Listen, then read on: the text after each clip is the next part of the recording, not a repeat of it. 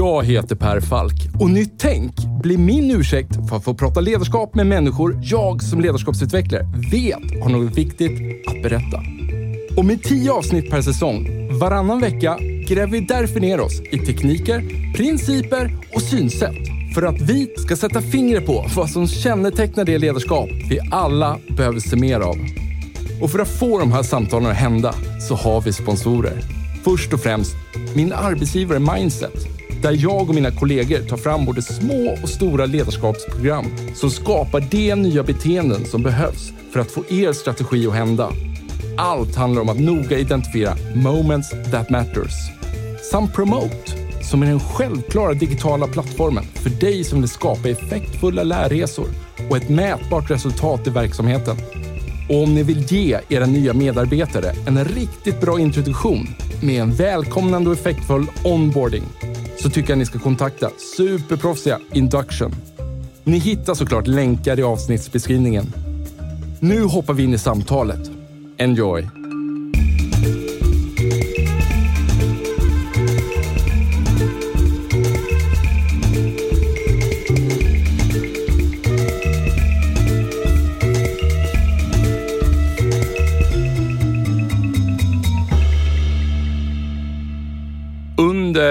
De senaste två veckorna har jag faktiskt fått en insikt, en ny insikt om mig. Och eh, det handlar om att det har, det har hänt rätt mycket. Mycket positiva besked, bra grejer som har hänt. Men samtidigt så känner jag liksom att, att jag kan bli stressad för att det händer bra grejer. För de här har hänt slag i slag i slag, vilket gjort att jag behövt springa på de bollarna och stunden blivit liksom väldigt glad över det som sker. Men samtidigt bara känner jag att jag blir väldigt utmattad. Mm. Och när jag blir utmattad så händer två grejer. Dels kan jag uppleva att jag blir lite nedstämd. Det är också paradoxalt. Mm. Så här, det händer ju bra grejer. Plus behovet efter en cheeseburgare ökar dramatiskt. Mm. Och um, jag har upplevt den här, den här pressen så att till exempel i, igår kväll då, då kände jag så pressen då att förbereda mig för den här intervjun ändå. Men då bestämde jag mig, min fru att nej men vi kör en, en fredagkväll fast det är torsdag. Mm. Så vi startade en film med barnen, gjorde popcorn och ja. sådär. Liksom. Bara, bara för att göra inte gör det kroppen skriker efter utan istället gör precis tvärtom. Det vill säga, kroppen skriker att jag måste förbereda mig men istället gör någonting annat. Men det jag skulle vilja säga då, liksom att då jag är ju van att utveckla team, prata ledarskap, hur får man individer och team att växa? Men varför jag bjuder in dig nu, det är för att jag blir väldigt intresserad av det ni gör på Linkura. Mm. För jag tänker mig att om man i framtiden skulle kunna hitta ett sätt i organisationer, stora organisationer, att se vilka team behöver extra stöttning? Mm. Och det här inte bygger på självskattning utan att, att man detekterar det på något sätt. Då skulle ju det innebära att jag som ledarskapsutvecklare gör mitt jobb bättre. Just det. Men för att sätta lite kontext. Vem är du, Boel? Ja, men jag är VD på Linkura. Eh, det är det korta, snärtiga svaret. Eh, utöver det är jag en person som så brinner för att man ska... Att, eller så här, jag tycker att det är så fruktansvärt kul när man är bra. Och det är en så stark värdering jag har att människor, att det är existentiellt, att människor vill det. Så det vill jag liksom åstadkomma och så vill jag känna själv. Om vi bara börjar från början. Så här, vilket problem är det ni löser? Ja, alltså jag vill redan här vilja börja obstruera. Ja. så att säga, ja, vilket problem löser vi? Mm, vilken möjlighet skapar vi? Bra där. Men om vi ändå liksom fortsätter adressera den frågan så löser vi ju problemet att alldeles för många människor inte känner det här. Shit vad bra jag mår, vad härligt det är. Mm. Jag tänkte på det du sa i inledningen där, att man, du bara rasslar in positiva besked. Mm. Man vill ju att det ska vara så och att man ska känna sig positiv. Alltså in, sen, inte behöva äta cheeseburgare, även om det är gott. Men, så att det vi vill skapa är ju människor som mår så bra och presterar så bra samtidigt. För det är vår fulla övertygelse att det där hänger ihop. Mm. Och apropå det, frågeställning, så vilket problem så löser vi? Så tycker jag att det är intressant för att man ofta börjar i problemformuleringen när det handlar om människors prestation och hälsa. Mm. Man letar, liksom, är det någon som inte mår bra som vi kan hjälpa? Och det är ju gott. Men det där det provocerar mig lite för jag tycker det är så defensivt. Ja. Det går liksom inte att så rehabba sig i toppform. Och det går liksom inte på jobbet att så här, genom att jobba med sina svagheter bli jättebra. Utan såklart måste man eliminera sånt som inte är bra och man måste förbättra sånt som är otillräckligt. Men det coola är ju så här, hur kan vi spänna bågen? Hur bra kan vi må? Så att det vi gör då, så här, för att svara lite mer konkret på din fråga. Vi tränar organisationer och team i mental kondition. Och det här gör vi genom att vi fysiologiskt mäter på kroppen. Mm. När är du i stress och när är du i återhämtning? Och utifrån det så skapar vi en beteendeförändring. För när du får insikten om din egen kropp och din egen fysiologi, att så, så här funkar jag, då kan du också göra saker med den kunskapen. Så vi kombinerar insikterna, alltså din data, med en coach, en digital och en mänsklig, som hjälper dig att säga precis de här sakerna skulle du kunna bli ännu bättre på. Vad finns det för myter kring det här området? Och eh, så här, nu var ju inte det en myt, men jag gillade att du faktiskt eh, liksom vred till mig där i början och sa Mm. så att vi får inte göra en problemdefinition av det här, utan en, en möjlighet. Men vad, vad finns det, innan vi börjar gå in lite Mm. mer på det här, vad finns det för myter på området?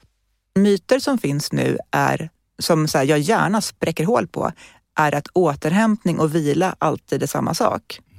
Och att stress och prestation alltid är samma sak. För så är det inte. Mhm. Det kan vara, men Mm. är inte. Nej. Och det där tycker jag är viktigt, för jag tror att det är den myten som gör att många arbetsgivare och chefer är rädda för att jobba med hälsa. För då tror man att, åh nej, tänk om mitt team kommer upptäcka att de är jättestressade och så vill de inte jobba lika mycket. Mm. Så att så här, väck inte den björn som sover. Och att satsningen kanske blir en signal om att, eller en rädsla för att satsningen blir en signal om att någonting är fel inom organisationen. Just det, precis. För det vi ser när vi mäter, det är det här som är så häftigt, är att det går att, eller det är till och med vanligt, när man presterar som bäst, och det gör man ju när man är i psykologisk trygghet. Det vill säga, så här, jag vet att jag gör någonting jag är bra på. Jag vet att jag har människor runt omkring mig som hejar på mig, som vill att jag ska lyckas med det här. Eh, Jag vet att jag kan be om hjälp. Det växer en entusiasm och en nyfikenhet, att jag vill utmana mig själv och det är lustfyllt det jag gör. När man är i det skicket, då presterar man ju jättebra. Så helt oaktat vilket slags arbete man har, oavsett om man är liksom, revisor eller managementkonsult eller läkare. Och grejen är, när man är där, då ser vi på våra mätningar, då har man jättefin återhämtning. Då är man helt, kroppen är helt lugn. Så att, att vara där mycket är fysiologiskt bra för oss. Det vill säga att liksom min, min arbetsinsats blir återhämtande på ett sätt. precis. Det är vilsamt för dig att jobba på det sättet. Ja. Du mår bättre och är mindre stressad. Fysiologiskt så har vi två, nervsystemet bygger på det sympatiska och det parasympatiska nervsystemet som, som styr kroppen i så att varva upp och varva ner. Mm. Och sen håller de här på att växeldra, för det där är två bra saker vi behöver göra. Och när vi kan jobba så fokuserat och så tryggt så varvar vi ner. Och det är en mycket bättre växel, där kan vi liksom ligga länge och takta och må väldigt bra av. Så att det andra, hela kroppen fungerar bättre när vi är i det skicket. Så att det där är verkligen en myt att för man kan ju tänka att när man gör ett riktigt hårt jobb, när man känner sig så fokuserad, jag gör allt, så här, producerar mycket, att det är samma sak som stress. Och så här, det kan man inte göra så länge, sen måste man gå hem och vila. Så här, det måste man såklart, men det är inte, det finns liksom ingen farlig stress i det och det är inte så att, så att sen måste du direkt gå därifrån. Nej. Så det är en myt. En annan myt, om, om man vänder på det, om det där är myten att det vi tror är stress är egentligen återhämtning, så finns det den andra varianten. Eh, och där känns det tråkigt att säga till dig nu som precis berättade att du kollade på film och trodde att det var återhämtning. Ja, ja. Ack så du bedrog dig. Men det kanske ändå var bättre än att jobba med Ja, ja, ja, eh, exakt. Det är en relativ skala. Men, men där, vad, förklara. Jo, för det som ett typiskt så här, jättevanligt scenario där vi tror att vi är i återhämtning är så här, vi sitter i soffan, vi har satt på någon film eller någon tv-serie på Netflix. Så här, dagen är slut, vi är ganska trötta och nöjda över en bra dag. Vi kanske ska kolla på vår mobil, så här, någon fin så här, bild på Instagram som vi gillar eller något vi blir glada av. Så här, det känns mys liksom. Ja. Det kan man ju tro är återhämtning.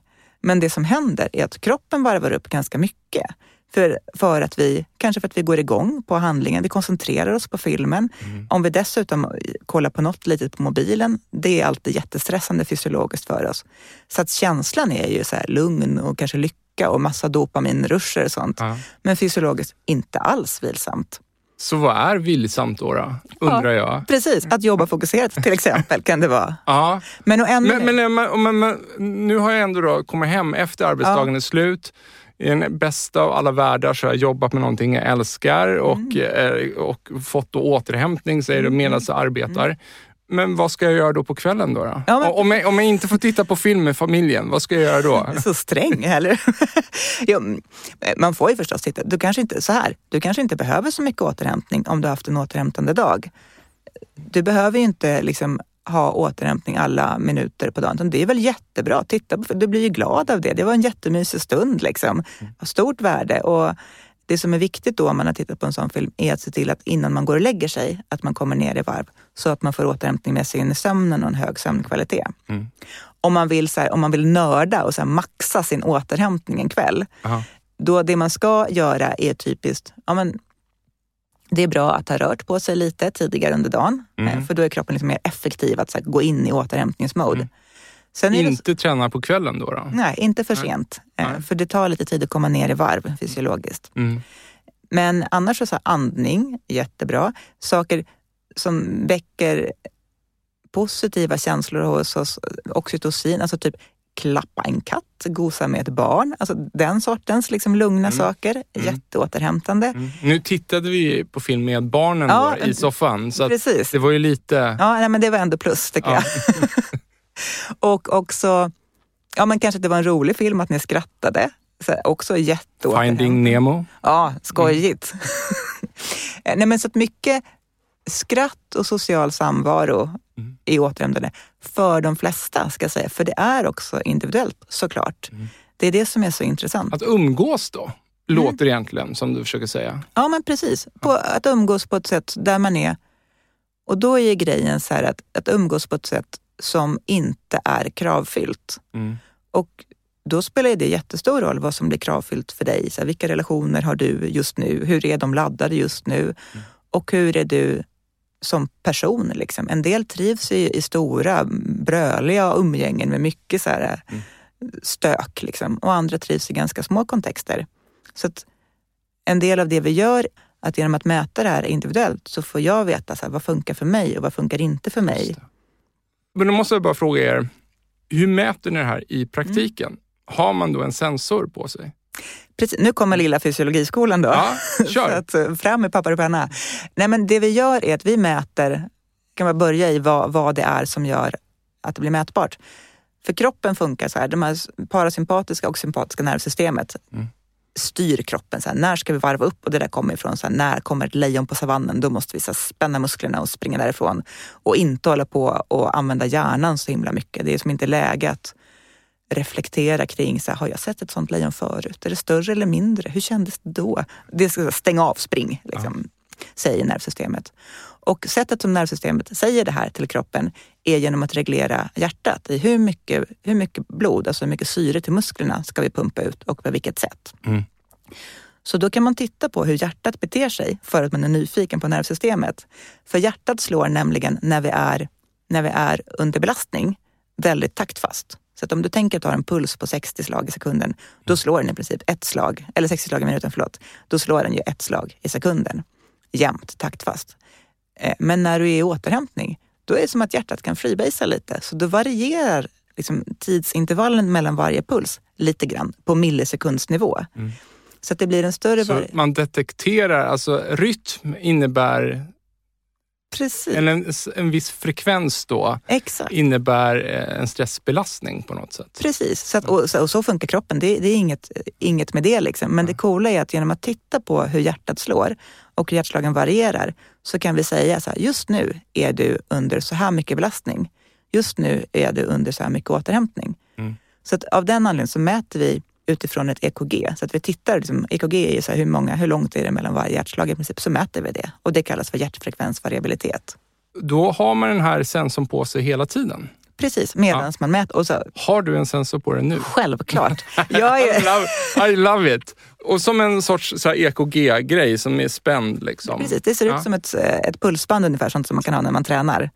Eh, och så här, då är ju jag så här, liksom norra Europas största återhämtningsnörd. Ja. Eh, så- Du måste ju ha den på dig som Ja, VD för Linkura Precis. hela tiden. Och som tur är så tycker jag också att det är svinkul, annars skulle det inte flyga.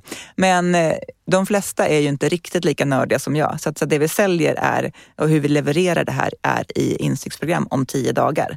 Så att på tio dagar så får man gå med den här mätaren och sen har vi en app så att man ser i realtid. Så här, när var vi upp? När var vi ner? Så här, hur, hur var det med Hitta Nemo? Var det återhämtande eller inte? Mm. Och så testar vi det under de här tio dagarna så får man liksom laborera lite med sig själv tillsammans med en digital coach och en mänsklig. Så vi har liksom ett fokus om dagen på sådana områden som vi vet att folk brukar få lite aha-upplevelser kring. Mm. Mm. Typ så sömn, sociala medier, träning, vad är återhämtning? Alltså det, här, det här är så coolt. Och jag har massa frågor. Ja. Då tänker jag så här, den bästa, alltså så här, man kan ju sitta här och, och, och köra massa eh, teori fram och tillbaka. Men så tänker jag så här, egentligen vill jag bara veta, så vad har du ställt om? Ja, Hur, liksom, för, ja, så v, hur har du förändrat dina vanor? Det, det, det blir jag ju Ja. mest nyfiken på, för det är ju där då värdet finns. precis så. Ja. Ganska mycket faktiskt. Och då så här, skryter jag ändå med att jag var i ganska gott skick när jag började. Ja. Vi liksom mäter ju måttet på det här som vi tar fram, kallas för mental kondition. Mm. Eh, Och är liksom ett riktigt mått som vi mäter om. Vi räknar om hjärtfrekvensvariabiliteten så att den normaliseras utifrån ålder och kön. För annars skiljer det lite. Att säga, är man äldre så är man annorlunda än yngre och så vidare. Men det gör vi lite jämförbart. Så att jag blev ju lite sådär tränings eller tävlingsnyfiken på det där. Så här, hur bra mental kondition kan jag få? Och också lite så här, ah, varför, varför får jag inte återhämtning här? Vad är det där då? Så det jag praktiskt har gjort för egen del är Ja, men, så här, den stora så jobbiga grejen jag gjort är att sluta kolla på Netflix sent på kvällarna. Det trodde jag aldrig skulle hända, för jag tycker det är så mysigt. Ja, Men- jag, jag har också svårt så här, man, jag, jag, jag tänker så här, mycket av det här är ju så här, vi vet ju att man inte ska kolla på Netflix. Så det, är, ju- det är ju inte ett kunskapsproblem.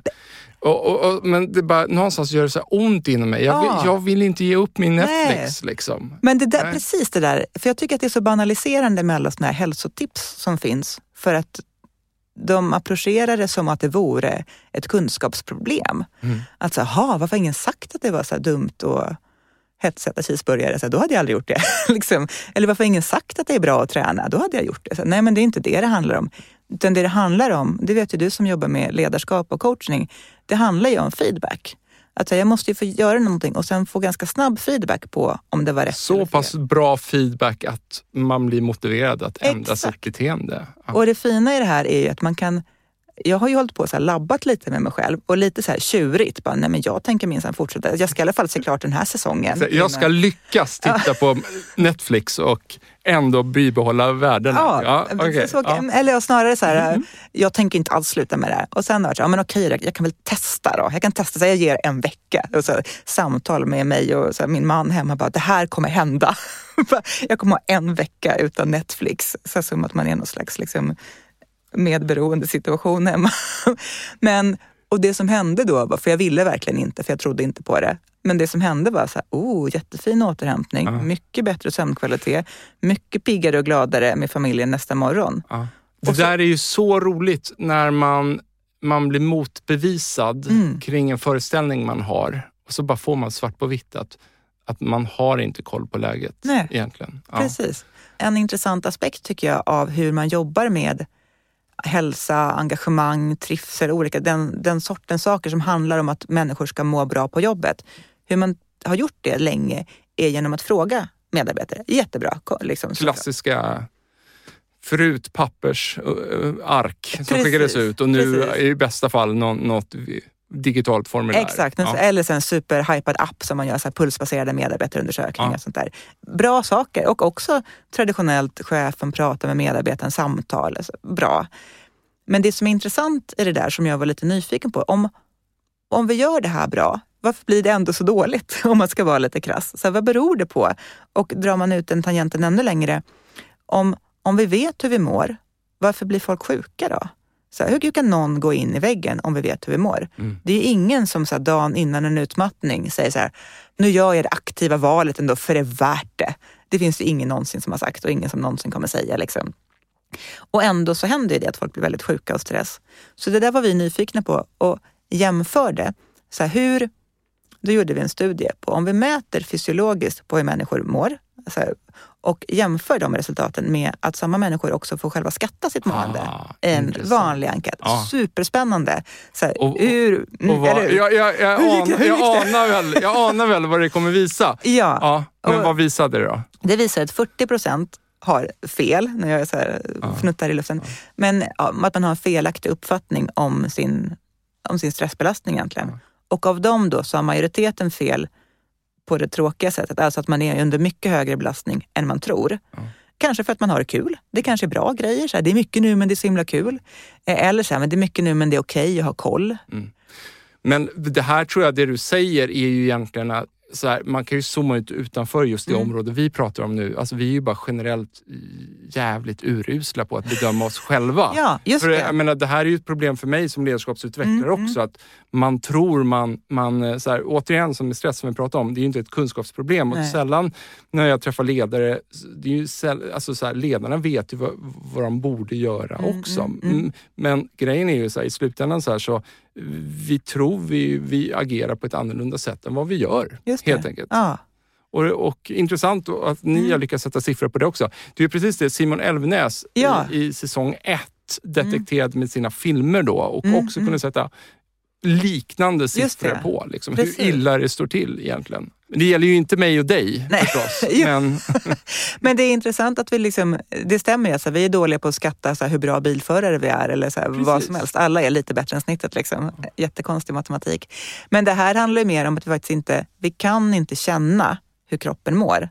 Mm. Alltså, och det Mm. är ju så fysiologiskt av den anledningen att när vi är väldigt stressade så då stängs de funktionerna i hjärnan som ska känna efter, de stängs ju av. Mm. Det är inte meningen att du ska kunna känna, du ska ju springa ifrån ett lejon. jag börjar liksom. raljera lite här, men så finns det faktiskt en förklaring här. Till och med. Men det du säger har ju, för det finns, det finns ju två aspekter. Den ena är så här, går det ens att veta? Det är det som jag pratar om, det så här fysiologiskt och lejon på savannen och så vidare. Nästa är så här, vill jag veta? Eller vill jag så här, nej men jag är så lite bättre bilförare än snittet. Eh, Jag, jag, mår, jag mår jättebra, jag vill inte lyssna på någonting annat. Så det ena är ju, vet jag? Det andra är, vad kommunicerar jag till mig själv? Och det tredje då är, vad kommunicerar jag till min chef? Då lägger vi också på, om den ena är egenkunskap och egen självbild, så kommer nästa nivå, då är det också kommunikation. Och i, med kommunikation vill jag göra massor med saker. Jag kanske vill berätta för min chef att så här, jag trivs minsann inte alls. Jag tyckte det var så dåligt att det inte blev någon konferensresa. Jag tycker det nya CRM-systemet är jobbigt. Så att jag säger att jag är jättestressad. Eller så här, jag orkar inte med att du ska in och kladda i mitt privatliv och jag har ingen mer teambuilding för mig. Alltså, så att allt är toppen, lämna mig i fred. Liksom. Eller, det är så kul nu! Jag älskar det, det är full fart! Men kroppen är superstressad. Så att det man får ut i såna här pulsbaserade medarbetarundersökningar och även samtal med chef och sånt är ju bra och viktigt för det säger någonting, men det är kommunikation. Så där, det är subjektivt och jag vill verkligen inte förminska det för det är superviktigt. Det är så människor funkar. Men det är ju inte hela sanningen eftersom vi inte vet. Men så vad gör du då? Går du hem tidigare från jobbet för att hinna med Netflix på eftermiddagen? Nej, alltså så här, nu, håll i, håll, håll i dig. Jag har typ slutat med Netflix. Mm.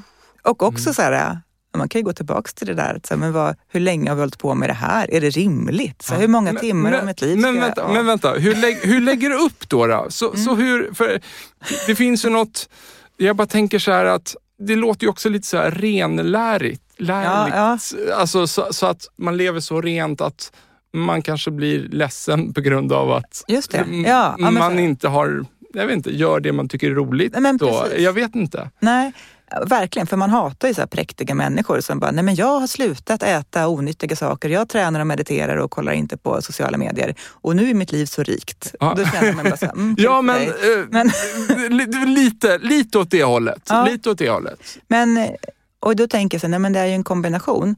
För till viss del så mår jag ju bättre. Alltså så här, det är ju sant, jag blir inte ledsen utan jag blir glad. Mm. Så, så det, är ju, det är ju på riktigt.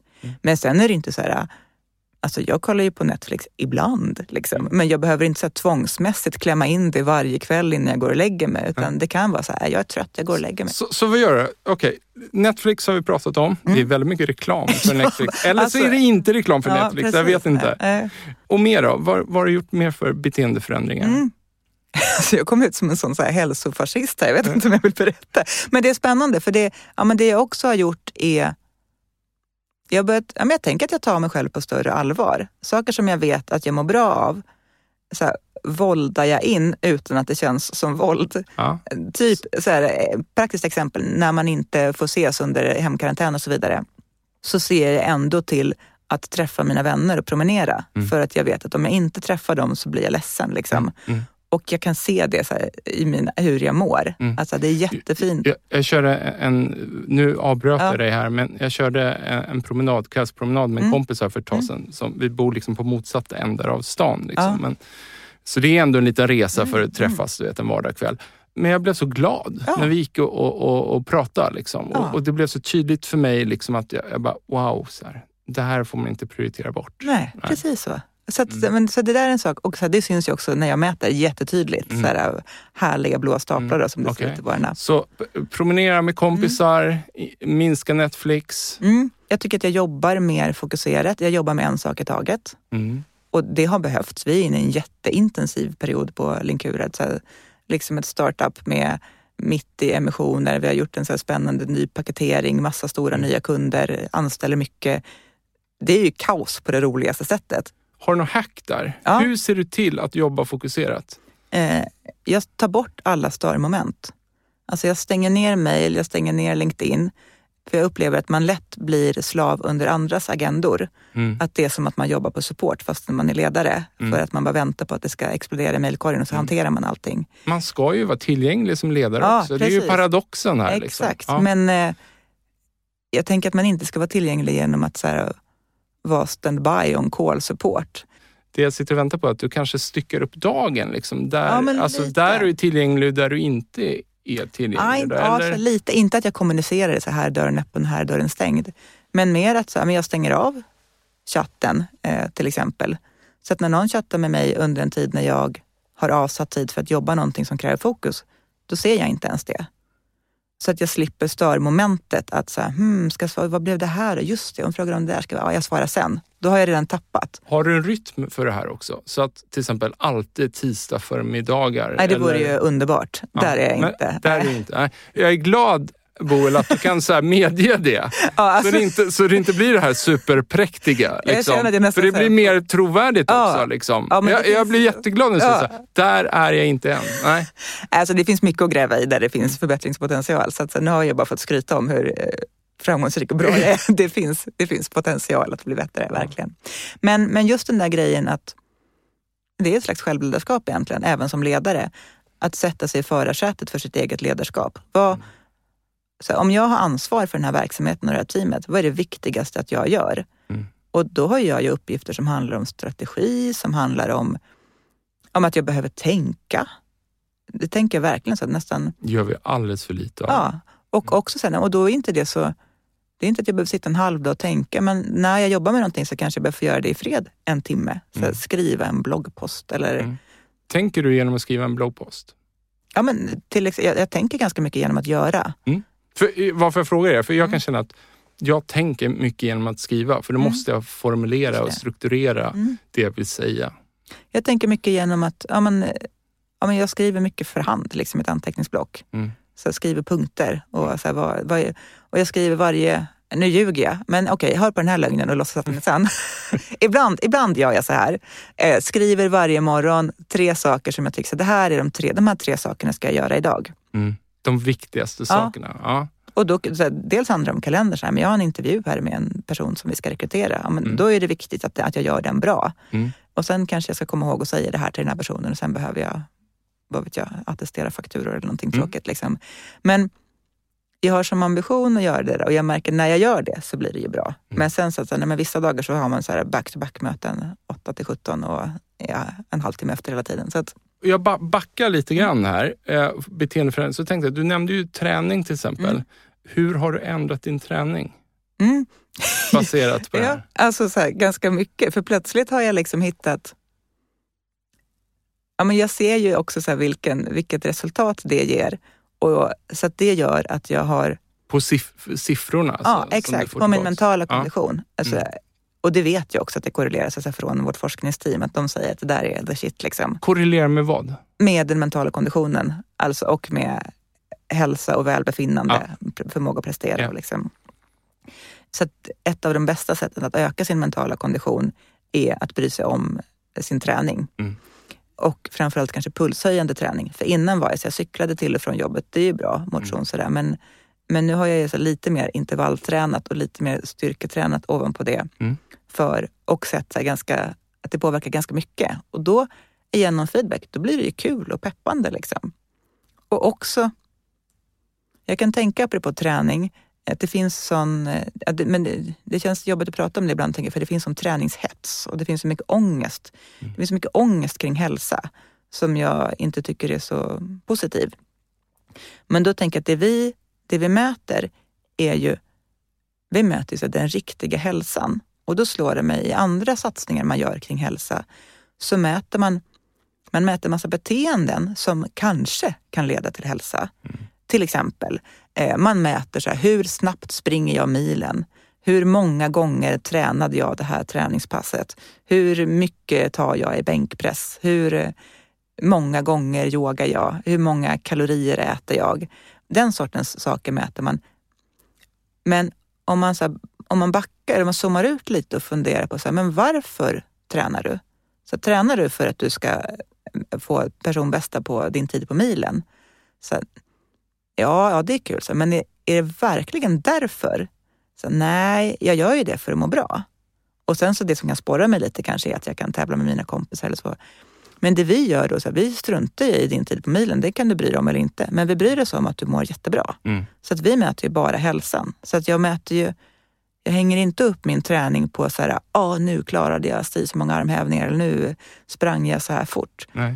Utan, vilket gör att jag lyssnar mycket mer på min kropp. Och mäter liksom, hur bra mår jag då. Mm, mm. Eh, jag måste bara göra en reflektion. Mitt, mitt intro här, jag hade mm. berättat om veckorna. Det jag också förstår här är ju att i allt det här positiva som har hänt så fick jag liksom prioritera bort träning. Mm. Och jag, vet ju sedan tidigare att då går det för mm. mig downhill väldigt, väldigt snabbt. Ja, alltså. Det gör det för alla. liksom. Och man prioriterar bort ganska mycket när man har fullt upp. Mm. Så, så jag, nu kan jag gissa, du kanske inte träffat dina vänner lika mycket den tiden. Men, kanske inte sovit lika många timmar. Men får jag då av systemet här nu då, mm. hur får jag en liksom liten heads-up på att Per, hur går det med träningen här? Eller? Nej, eh, för så vill vi inte hålla på. Nej. för det, utan istället så säger vi så här, det ser ut som att du har stressat ganska mycket. Mm. Eh, fundera på, vad gjorde du här klockan 10 till klockan 12? Mm. Mm. Titta, här hade du jättefin återhämtning. Mm. Eh, vad gjorde du då?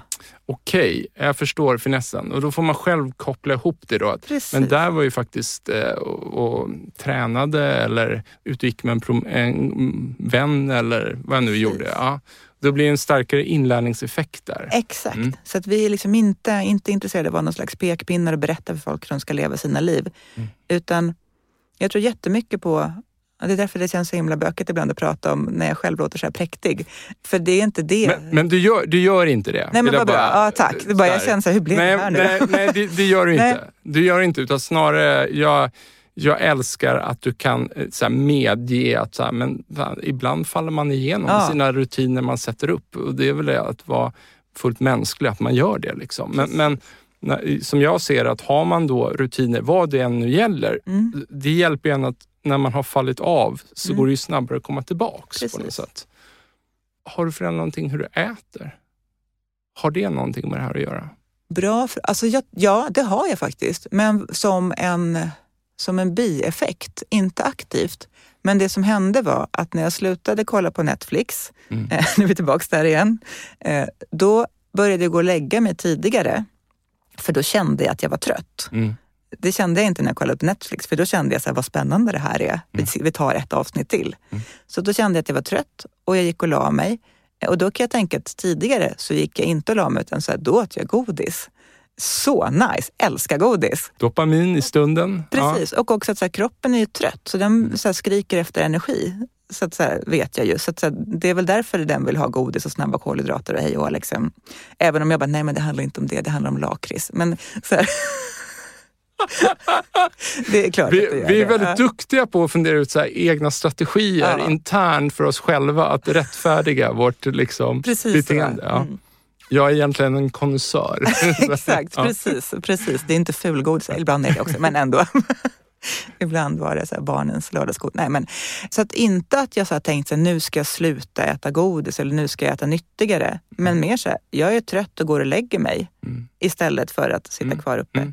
Mm. Så att konsekvensen är nog att jag äter mindre onyttiga saker. Om den mentala konditionen förbättras, Mm. då kanske man inte vill ha en cheeseburgare heller. alltså att suget för det minskar. Precis. Ja, det Så det blir en följdeffekt. då. Ja, precis. För jag tänker att vi vill ju ha vi behöver ju snabba kolhydrater när vi är trötta. Alltså hjärnan behöver socker, det är inget konstigt. Mm. För att funka. Och när hjärnan har det tufft så behöver den mycket socker, Mm. mycket kolhydrater. Och det är ju bra. Men då kanske inte hjärnan ska behöva ha det så jobbigt då. En annan intressant frågeställning är, då har vi ju rätt ut vad du då har Mm. förändrat. Mm. Jag kan ju inte låta bli att se, vad har din man förändrat? B- Bara för att ha dig. Ja, nej, och då han- får du säga, nu, det är helt okej att säga när han har inte förändrat ett smack. Eller så kanske han har tagit vissa grejer. Ja. Och i så fall vad? Faktiskt så har han åkt med på det här tåget så tillvida att jag yogar ibland hemma med så här Youtube-klipp. Liksom. Det gör jag också. Gör du? Ja, kul. Ja. Det, vi, vi, så här, nu, där, har- där har vi fallit av stolen, Mm. men vi har gjort det regelbundet. eh, Jag och min fru på söndagkvällar har Ah. vi haft som en, som en, en grej. Liksom. Ja, så bra. Och, eh, virtuellt liksom. Mm, Och eh, verkligen varit lite en höjdpunkt på veckan. Och Ja. där pratade vi senast i veckan om att där måste vi bara komma Mm. tillbaks igen. Ja, men för det som, för det som Sen jag... ser jag ju patetisk ut när jag gör det. Men, men det är Men det är väl det som är grejen med yoga hemma, att ingen behöver se det. Liksom. För det som hände var när jag slutade med Netflix, var så här, men vad, vad gör vi istället då? Och då var jag så här, men kan vi testa? En månad så yogar vi på kvällarna istället. För då finns det, så här, vi hittade här 30 days of yoga. Sån grej. Så- Varje kväll alltså? Ja, och, men inte så långt, de är typ 20 minuter. Ah, så att liksom, Mikroyoga. Mm, mm. Mm. och så var jag så här, men är du med mig? Så här, tänk det som en challenge. Vi kör januari ut. Mm. Och bara, han typ hatar, jag har aldrig testat och tycker att det är vidrigt. Och bara, ja, men okej, vi testar. Så då har vi kört hela januari. Och sen så säger han så här, "Nej, men jag tycker jag känner mig starkare, jag tycker jag mår bättre. Vi fortsätter. Och jag- jag håller med. Och jag, jag var inte så här att... Jag upplevde stress i början när vi började med yoga för att jag kände så här, okej nu slänger jag bort ett träningspass här. Ja, eh, För att jag gör det här istället. Mm, Eh, men det, det är så här, efter ett tag så började jag känna så här, nej jag vill faktiskt göra det här. Det ger mig väldigt mycket. Så att jag, mm, jag är väldigt glad att jag bör- började pröva. Ja grymt. Mm. Det, och här, det där är också en sån sak apropå eh, feedback och nudging och sånt där. Att jag får jättefin återhämtning när jag yogar. Så att det är också så här, åh kolla vad fint det blev här i min app. Eh, det här ska jag göra imorgon också. Och bättre sömnkvalitet och sånt där. Så det är bara du som tar del då av din data? Mm. Arbetsgivaren tar inte del Just av det det, här? bra fråga. Så här, nej. För det, det, det är en, min nästa aspekt då, Mm, liksom mm. att det, det, är inte ett Amazon-system där du får höra att nu går det för långsamt här på lagret. Nej.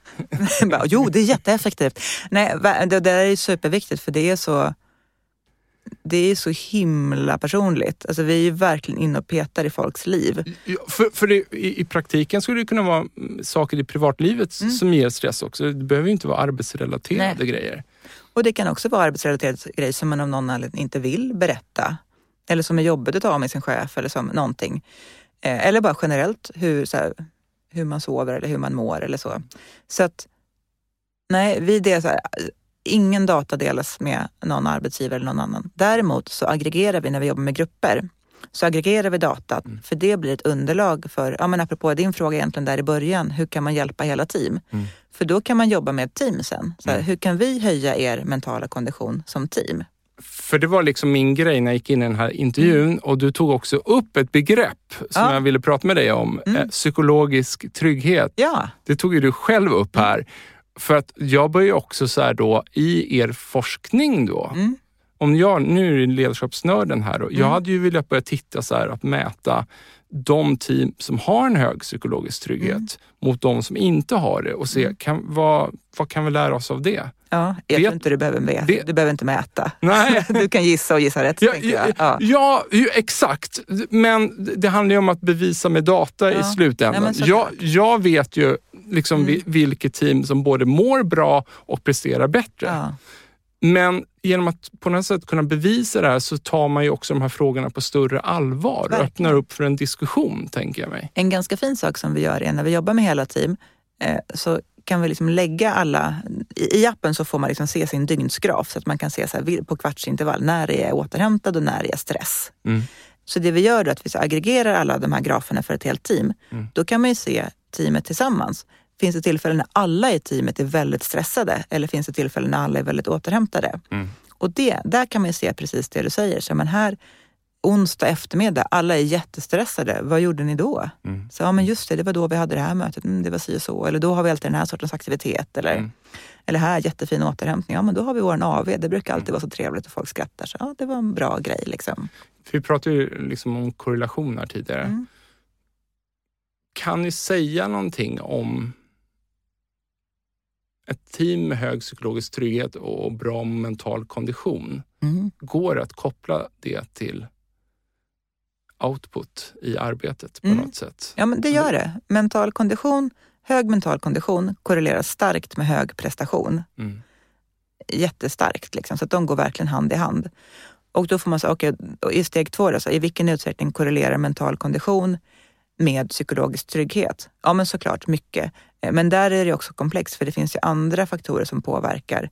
Typ till exempel träning, arbetslivet är en del av din mentala kondition, men också så här, vad har du på, på fritiden? Hur, hur ser ditt eh, liv hemma ut? Är det så, om du är mitt i en separation eller har föräldrar som behöver mycket stöd och hjälp eller håller på att gå bort eller någonting, så räcker det inte att du är psykologiskt trygghet på jobbet, för då är du ändå under hög belastning i livet. Liksom.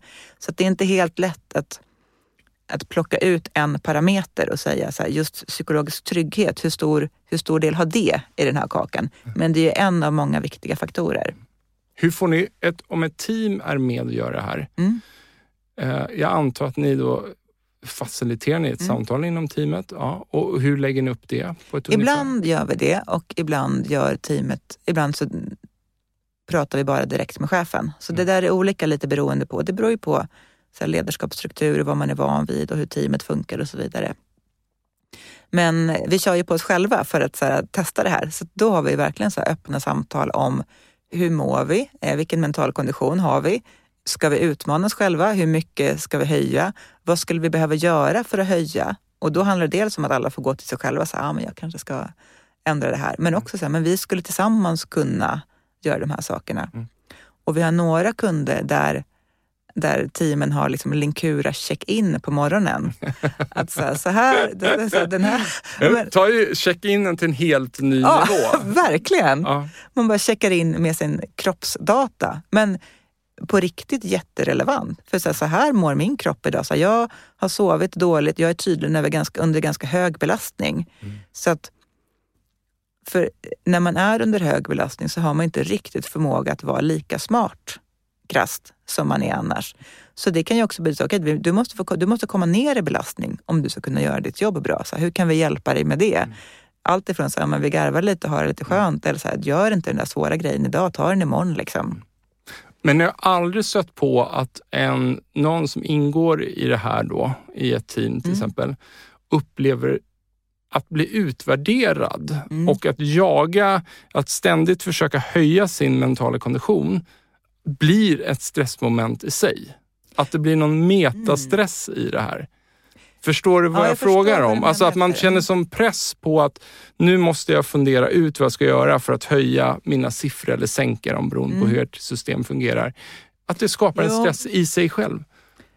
Jag tänker att så stress eller oro som det där kommer ur funkar så att om man är i liksom ett skick där man har mycket oro, då applicerar man den oron på allt som dyker upp. Till exempel på en sån här mätning. Så, Åh nej, nu måste jag säga eller så. Mm. Och det händer förstås. Eh, men jag upplever inte att det skapar oro som inte redan finns. Utan det är liksom en orolig... Om man är under, eller om man är under hög stress så kan man också så applicera stressen på det här såklart. Mm. Men det är därför också en av anledningarna till att vi har, det här är liksom ett digitalt program. Liksom man jobbar med sin digitala coach. Och så har vi en hälsocoach, alltså ett, ett mänskligt samtal i det. Och det är jätteviktigt just för att hjälpa till att navigera när det finns starka känslor. Man kan ju bli rädd också. Så, Oj, jag har jättedåliga siffror. Vad, mm. Håller jag på att bli sjuk? Håller jag på att gå in i väggen? Mm. Och det, där tycker jag att det är en viktig del av vår leverans att man faktiskt får prata med en människa. För det mm. ska man inte vara ensam med om det väcker så starka känslor. Liksom. Just det att gå in i väggen här. Det här måste ju vara en jättestor USP ur, ur ert perspektiv. Tänk om vi kan fånga upp personer mm. innan de går in i väggen.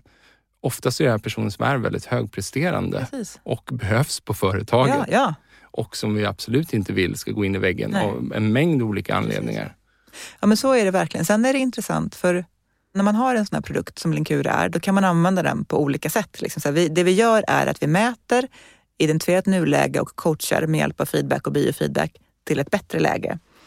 Eh, och det som händer, eh, för tidigare liksom i, så är det när man har ett bolag, man håller på att pivotera och testa olika affärsmodeller. Och tidigt i Linkuras historia så gjorde man precis det där. Mm. För då såg man, så man tänk om vi kan hjälpa ett företag och individer att här, hitta vilka personer är i risk och så hjälper vi dem ur risk. Mm. Det var egentligen som du började, så tänk, kan vi hitta de teamen som behöver hjälp och jobba med dem? Ja. Fast på individnivå. Vad, vad föll du på då? Ja, men, nej, men det gick ganska bra. Men det som hände var att ingen ville vara i risk när liksom, mm, chefen kommer och säger nu ska vi göra den här screeningen och se vilka som är i risk. Bara, oh, det vill jag inte göra. Så här, ingen ska komma och screena mig eller mäta mig. Och de som då var liksom gränsfall i risk fick jättemycket oro kring kommunikationen. Att det handlade så mycket om att du är i risk, vi ska hjälpa dig ur risk. Ja. Så att det vi har gjort nu är... Där, därav att du så kraftigt i början markerar ja, där vad det här samtalet ska handla om. Precis, mm. ja, och att jag tycker att det också är, för det handlar också om på, det handlar om att skapa pepp och engagemang. Så här, varför vill jag jobba med mig själv? Är det för att så här, det är så himla jobbigt och jag håller på att bli sjuk och nu är det verkligen allvar?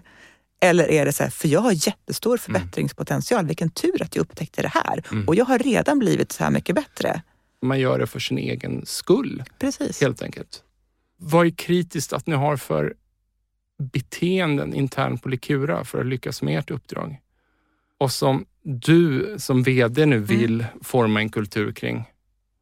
Ja, men jag, eftersom vi också står inför en kraftig tillväxt så är det jätteviktigt att vi har ett högt självledarskap. Och med det menar jag inte bara ledarskap över sig själv, det behöver vi. Alla måste liksom kunna leda sig själva. Men också ett självledarskap i, i organisationen, alltså gentemot varandra. Jag vill att alla leder utifrån sin expertis och utifrån sitt ansvarsområde. Och jag förväntar mig att alla fattar det bästa beslutet utifrån sin funktion och stämmer av det med de som är berörda och de som är berörda är, behöver inte och är ganska sällan jag som VD. Utan det kan snarare vara ja, men, marknadschefen eller marknadsansvarig behöver stämma av med säljarna och behöver stämma av med produktutveckling för att veta, så här, är det här rätt prioriteringar? Är det här jag ska jobba med nu? Och då måste han göra det när det är relevant. Så att det, självledarskap på det sättet blir superviktigt. Att jag är helt ointresserad av att bestämma hur ofta marknad ska rapportera saker eller ha möten. Jag vill inte ha liksom traditionella rapportmöten på det sättet, för det i min erfarenhet går för långsamt och är för bakåtblickande. Så att det ansvarstagandet, att man lutar sig in och ber om, ber om feedback egentligen. Vad har du för möten istället? Ja, vi har några sådana där löpande uppföljningsmöten för att hålla tempo, till exempel i försäljning och sånt där. Men annars, jag vill ha så få statiska möten i kalendern som möjligt. Jag vill inte ha här, tio olika veckomöten bara för att. Utan jag vill bara ha möten med arbetsmöten egentligen på ett tema. Så här, mm, Vid vi... behov då? Precis. Ja. Så att jag har ganska många möten just nu om jag tänker på, ja, dels är det mycket liksom, eh, kundmöten och rekrytering och så vidare. Men, och det är ju verkligen behovsmöten egentligen. Men internt så har vi möten som är så här, ah, nu vi så här, har snappat upp det här behovet från våra kunder. Vi skulle vilja, eh, vi behöver prata om det här är relevant produktutveckling eller inte. Och om det i så fall är det, när, när och hur kan vi prata om det med våra kunder? Kan vi börja sälja det innan det är helt färdigutvecklat för att vi vet att vi har vad vet jag, så, så många månader från mm. första sälj till att det ska levereras. Mm. Så den sortens avstämningar har vi ofta. Har du några principer för dina möten? Som princip så bokar vi inte, alltså vi har en insatt teknisk inställning på att, vi, att mötena blir antingen 25 eller 50 minuter så att de inte slentrianmässigt tar en hel timme. Så att man ska ha lite mental ställtid mellan mötena. I ganska många möten checkar vi in och checkar ut. Ja. Varför det? Ja, men för att landa in i syftet på mötet. Så här, vad är det vi vill åstadkomma och också var, är, var kommer jag ifrån? Ja. Och lite, därför checkar vi in och vi checkar ofta ut för att se så här, vad fick vi med oss från mötet. Det kan ju verka som att, då, alltså, alltså att ni vill ju då ha hyfsat korta möten. Mm. Och, och det, är ju, det kan ju då verka som att man instinktivt kanske man inte vill lägga tiden på incheckning och Nej. utcheckning då. Men ni känner att det ger så mycket värde. Alltså in, inte alltid, verkligen inte. Alltså, ibland blir man vansinnig när man ska hålla på och checka in tio gånger på en dag. Liksom. Det går inte. men, men däremot, det kanske mer handlar om vad det är. Om det är ett längre arbetsmöte, och med längre menar jag en timme eller mer, Ja. där vi behöver jobba tillsammans. Då kan det vara relevant att alla är liksom på samma plats. Har du några andra ledarskapshacks? mitt ledarskap behöver bottna ganska mycket i min personlighet. Och då tycker jag att det blir svårt om man säger så här, vad är ett gott ledarskap och vad är inte? För att jag tänker att det, det finns så många olika ledarskap som kan vara bra. Och sen finns det såklart principer som är allmängiltiga, men jag kan nog bara leda liksom, på Boels sätt. Och mitt ledarskap handlar ganska mycket tror jag om att så här, bjussa på, att vara ganska prestigelös och bjussa ganska mycket på mina känslor och min entusiasm. Så att jag så här, unnar mig att bli jätteglad ofta och åka med och unna mig att berätta hur jag känner. Mm. Men- och- Även när du blir ledsen då? Ja, Ja. försöker. Mitt svåraste är att bli arg, det är jag jättedåligt på. Men när jag känner att jag är så lite låg eller så här, "Uff, det känns motigt, Mm. då är det hjälpsamt för mig att berätta det. Mm. Och då tänker jag att så då är det nog hjälpsamt för andra också, att jag kan öppna den dörren, att man kan få göra så. Mm. Men Har du inte varit så förut eller har det alltid varit så? Nu- nej, så har jag inte varit. Eh, alltså så här, jag tänker tidigare i karriären så var jag mycket mer orolig för så här, vad får man göra och vad får man inte göra. Så där tycker jag att jag kan liksom bli tryggare och tryggare. Ja, framförallt att så här, vara, vara ganska mycket av mig själv. Men jag, jag känner mig också ganska ödmjuk i det, för jag kan också känna så här, men vän, jag kanske bara är så här en jobbig jävel som tar så mycket plats och det handlar så mycket om mig hela tiden. Så att jag tänker att det också kanske handlar om vilket slags roll man har och vad, vilket fast- team man bygger kring Ja, sig. men samtidigt har vi varit inne på begreppet psykologisk trygghet och, så Mm. och vi vet ju liksom, vi Ja. vet ju att det är centralt för vad som kommer hända och inte hända Mm. inom ett team. Och det vi pratar för lite om är hur man skapar psykologisk trygghet. Eller det blir för, vad ska man säga, det blir för teoretiskt ofta. Mm. Men det du säger och hur du beter dig, Mm. med att du, du bjuder på dina känslor i, i med och motgångar.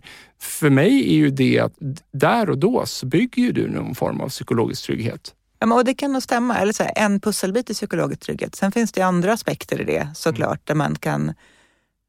Jag tycker så här, ledarskap är svårt. Jag tycker det är lätt att känna sig självkritisk. Det går alltid att vara bättre liksom, som ledare Ja. och man har stort ansvar. Sånt där. Så jag tänker, det finns ju andra delar som jag tycker är svårt, som handlar om till exempel tydlighet, som man vet att så här, det är så viktigt. Men jag tänker att det ibland inte är så himla tydligt och att det kanske blir uppgiften för medarbetare i en organisation som bygger på mycket självledarskap är att skapa tydlighet med sina kollegor och Mm. inte kräver den av mig. Mm. Och det där är ganska svårt att navigera i. Så vad, vad är lagom? Mm. Vad är tillräckligt? Vad är good enough? Så det vet inte. Liksom. Mm.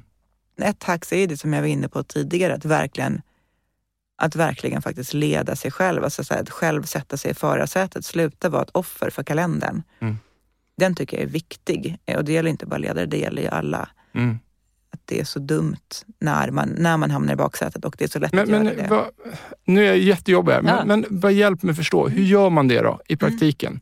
Så i praktiken så gör man så här, god morgon, här är mitt kaffe, nu börjar arbetsdagen. Innan du ens öppnar datorn så tar du fram så en post-it och skriver så de här tre sakerna är viktigast idag. Sen öppnar du din dator så går du in i kalendern och bara, oh just det, jag hade det här mötet. Eh, Okej, då, får jag, så här, då kan punkt två på listan inte hinnas med idag, för det där mötet är ju viktigt. Så här, bra, det här är topp tre. Gott, när gör jag vad? Så, ja, nu på förmiddagen så gör jag det här, sen är det klart klockan tio. Eh, sen på eftermiddagen gör jag, har jag det här mötet eh, och sen gör jag det här, punkt tre.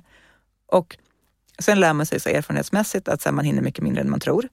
Eh, Men om man hinner en sak per dag som man själv, som man själv bestämmer att man ska hinna, då har man ju åstadkommit, då har man, då har man så här fört skutan framåt. Mm. Istället för att så här, som, nu raljerar jag lite, men jag tänker att det tyvärr är vanligt att så här, man öppnar mailboxen, så här, drunknar i mail, Mm. har lite dåligt samvete och de där mejlen som man läste igår och sen markerade som olästa för att man skulle läsa dem idag igen Mm. eh, och agera på dem idag. Och sen jättemånga möten. Så då kan det liksom gå en hel dag om man har jobbat jättehårt och man har gjort massor med saker, men man har inte gjort det viktigaste. Liksom. Men det, alltså det, här, det, det kan jag också relatera till. Jag kan tycka att det är inte så mycket tid som behövs i början på en dag Nej. för att reflektera över dagen. Eller i, i, i slutet på en vecka över hur kommer nästa vecka Mm. se ut för att det ska kännas väldigt mycket bättre i, internt. Mm, liksom. precis. Ja, för jag, jag, är så här, jag hatar också känslan av att, att det känns som man kommer springandes in i en arbetsdag. Mm. Det, det, det leder sällan till något gott. Precis. Ja. Nej, men verkligen så att man så känner att man äger det. Och med det finns det också när dagen är slut. Så här, yes, check på de här. Bra jobbat Boel, nu är arbetsdagen slut. Mm. Den är jätteviktig. Jag vill väl tro att om jag hade en av era sensorer på mig just Mm. nu så hade den visat att det här samtalet vi har haft har varit väldigt eh, återhämtande för mig. Ja, Men- Jag skulle nog tro, jag kan kolla på min här sen när vi har sänt klart, men jag skulle tro att i alla fall jag är nog så lite uppvarvad.